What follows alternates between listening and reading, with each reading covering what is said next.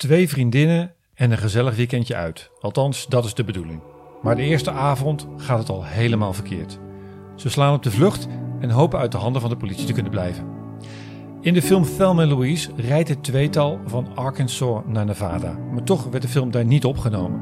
Bijna alles wat je ziet werd gedraaid in de staten Californië en Utah. Je luistert naar fantastische filmlocaties. Een podcast over films en de locaties waar ze werden opgenomen.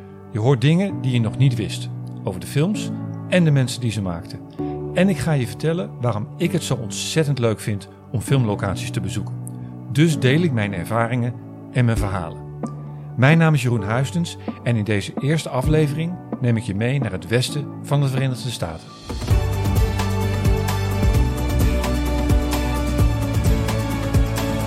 In Thelma en Louise rijden de twee vriendinnen van Arkansas naar Nevada. Maar alles wat je ziet vind je terug in de Amerikaanse staten Californië en Utah. Production designer Norris Spencer en regisseur Ridley Scott reden wel door Arkansas, Oklahoma en Texas op zoek naar geschikte locaties. Maar Ridley Scott vond alles zo op elkaar lijken dat hij voorstelde om de film maar gewoon in Californië te draaien. En die Grand Canyon die vinden we vast wel ergens in Utah, schijnt hij gezegd te hebben. De opname van Thelma Louise startte op 11 juni 1990 en duurde tot 13 augustus van dat jaar. In twee maanden tijd werd er dus gefilmd in de regio Los Angeles en op diverse plaatsen in Utah. De twee vriendinnen maken de leuke Polaroid-foto van zichzelf aan Mino Drive in Tarzana in Californië. Het vrolijke weekendje uit neemt daarna een dramatische wending op de parkeerplaats van de Silver Bullet Bar in Long Beach. Die bar, waar ook binnen werd gefilmd, heet tegenwoordig Cowboy Country. En dan door naar het motel waar Thelma zich laat verleiden door een jonge Brad Pitt. Dat is de Vagabond Inn in downtown Los Angeles. Een motel waar je nog altijd kunt overnachten. Ik heb alleen niet kunnen achterhalen of ze ook echt in kamer 133 hebben gefilmd. Je luistert naar fantastische filmlocaties. Ik ga je zo meer vertellen over wat andere locaties, maar eerst even terug in de tijd. De oorsprong van Thelma Louise ligt bij scenario-schrijver Kelly Curry. Toen zij op een ochtend van haar werk thuis kwam, had ze opeens het idee voor een film over twee vriendinnen die op de vlucht moeten slaan. En ze wist dat er ergens in dat verhaal een rol was voor de Grand Canyon. Kelly Curry werkte in 1987 zes maanden lang aan de eerste versie van het script voor Thelma en Louise.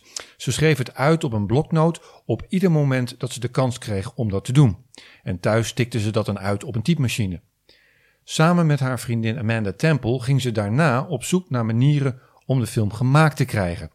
Ze dachten zelf aan een low-budget film van pakweg 5 miljoen dollar. Amanda Temple wilde de film dan produceren en Kelly Curry zag zichzelf al als regisseur. Maar toen dat allemaal niet zo vlotjes liep, vroegen ze een andere vriendin om eens naar het verhaal te kijken. Die Mimi Pollock runde op dat moment de productiemaatschappij van regisseur Ridley Scott. Zij stelde voor om het script bij hem neer te leggen. Hij reageerde direct heel enthousiast. Hij was bereid 500.000 dollar neer te leggen voor de rechten.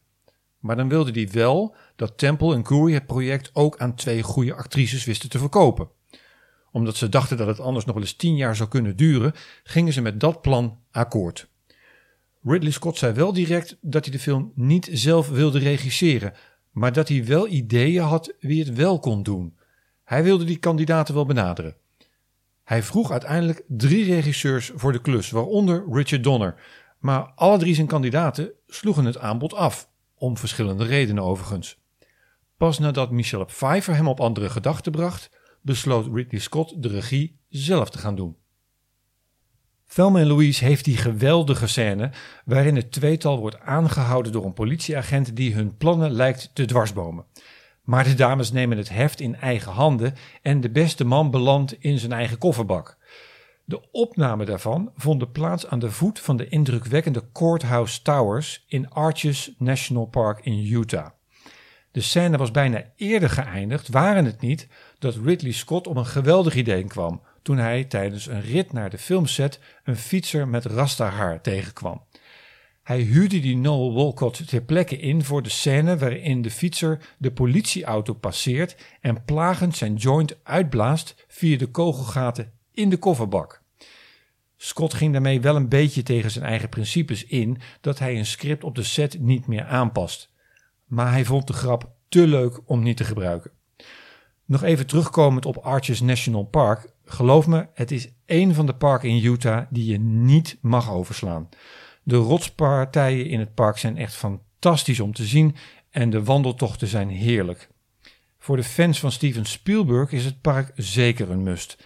In de nazomer van 1988 gebruikte hij het park op meerdere plekken voor de openingsscène van Indiana Jones and the Last Crusade. En je herkent het onmiddellijk als je de film terugkijkt.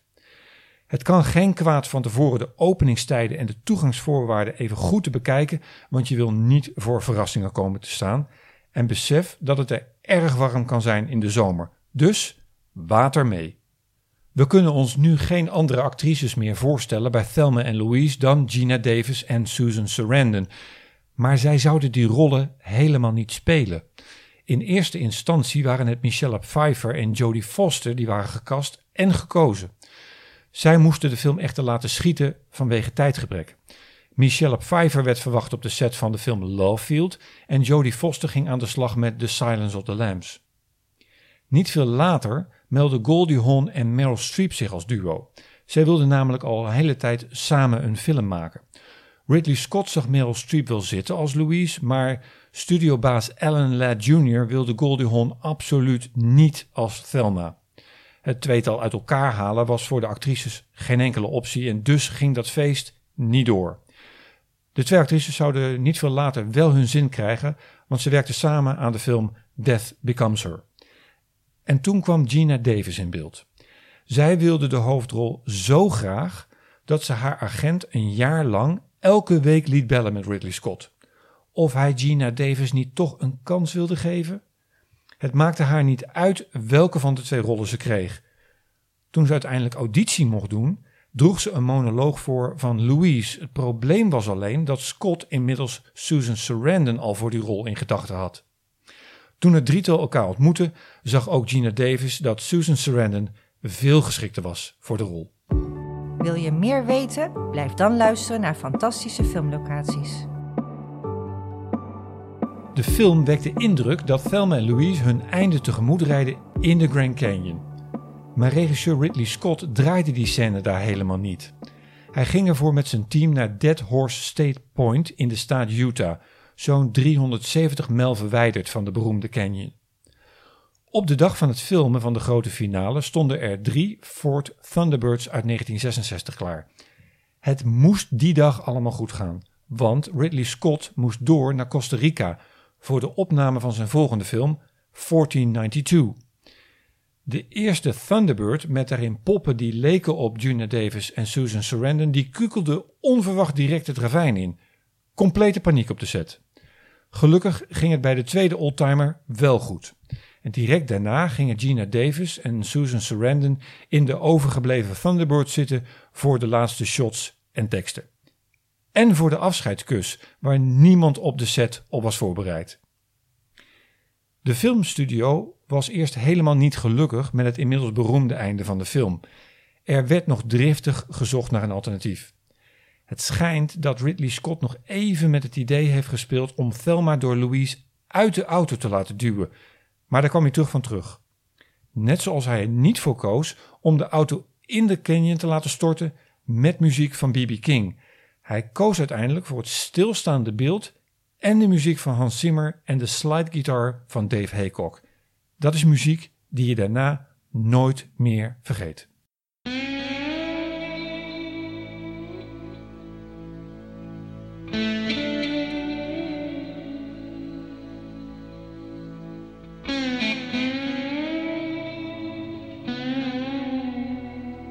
Om je van tevoren even te waarschuwen, de exacte filmlocatie, inmiddels wel bekend als Thelma en Louise Point, is niet zo heel eenvoudig te bereiken.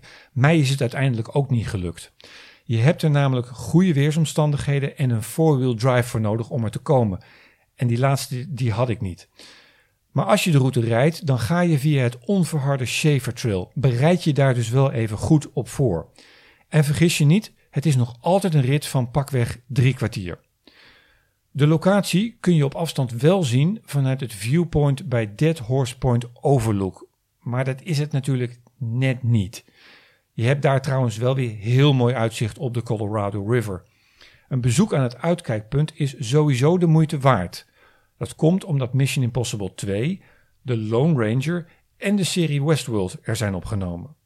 En als je toch in die regio rijdt, ga dan naar Moab Museum of Film and Western Heritage.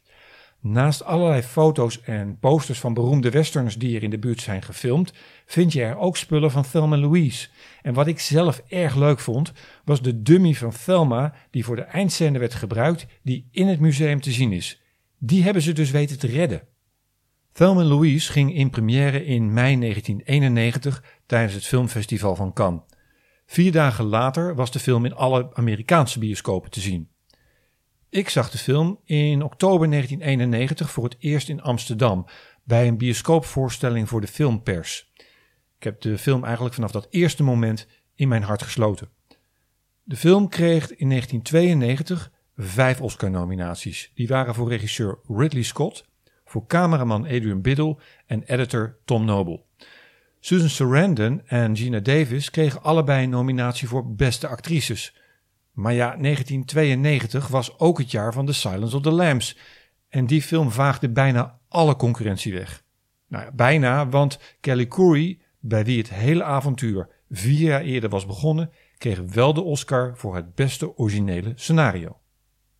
Je luisterde naar de eerste editie van Fantastische Filmlocaties. Deze werd gemaakt door Jeroen Huistens. De muziek die je hoorde is van Alex Zaworska. Speciale dank gaat uit naar Jan van Houten en Fabian Ruitenberg voor hun buitengewoon waardevolle tips. En naar Sheila Weller voor haar artikel in Vanity Fair en Becky Eichmann voor haar boek Off the Cliff. Waar je Thelma en Louise kunt zien, zie je op de website film.nl. Een overzicht van de filmlocaties met hele handige GPS-gegevens vind je op de website seenit.com. Het adres daarvan zet ik in de show notes. Mocht je zelf filmlocaties bezoeken, hou dan wel rekening met de bewoners, daar waar dat natuurlijk van toepassing is. En respecteer alsjeblieft hun privacy. Wil je voortaan geen aflevering missen? Abonneer je dan op deze podcast. Dat kan bij Apple Podcast, Spotify of SoundCloud. Ik hoor heel graag wat je ervan vindt, dus laat vooral een recensie achter. Tot de volgende keer.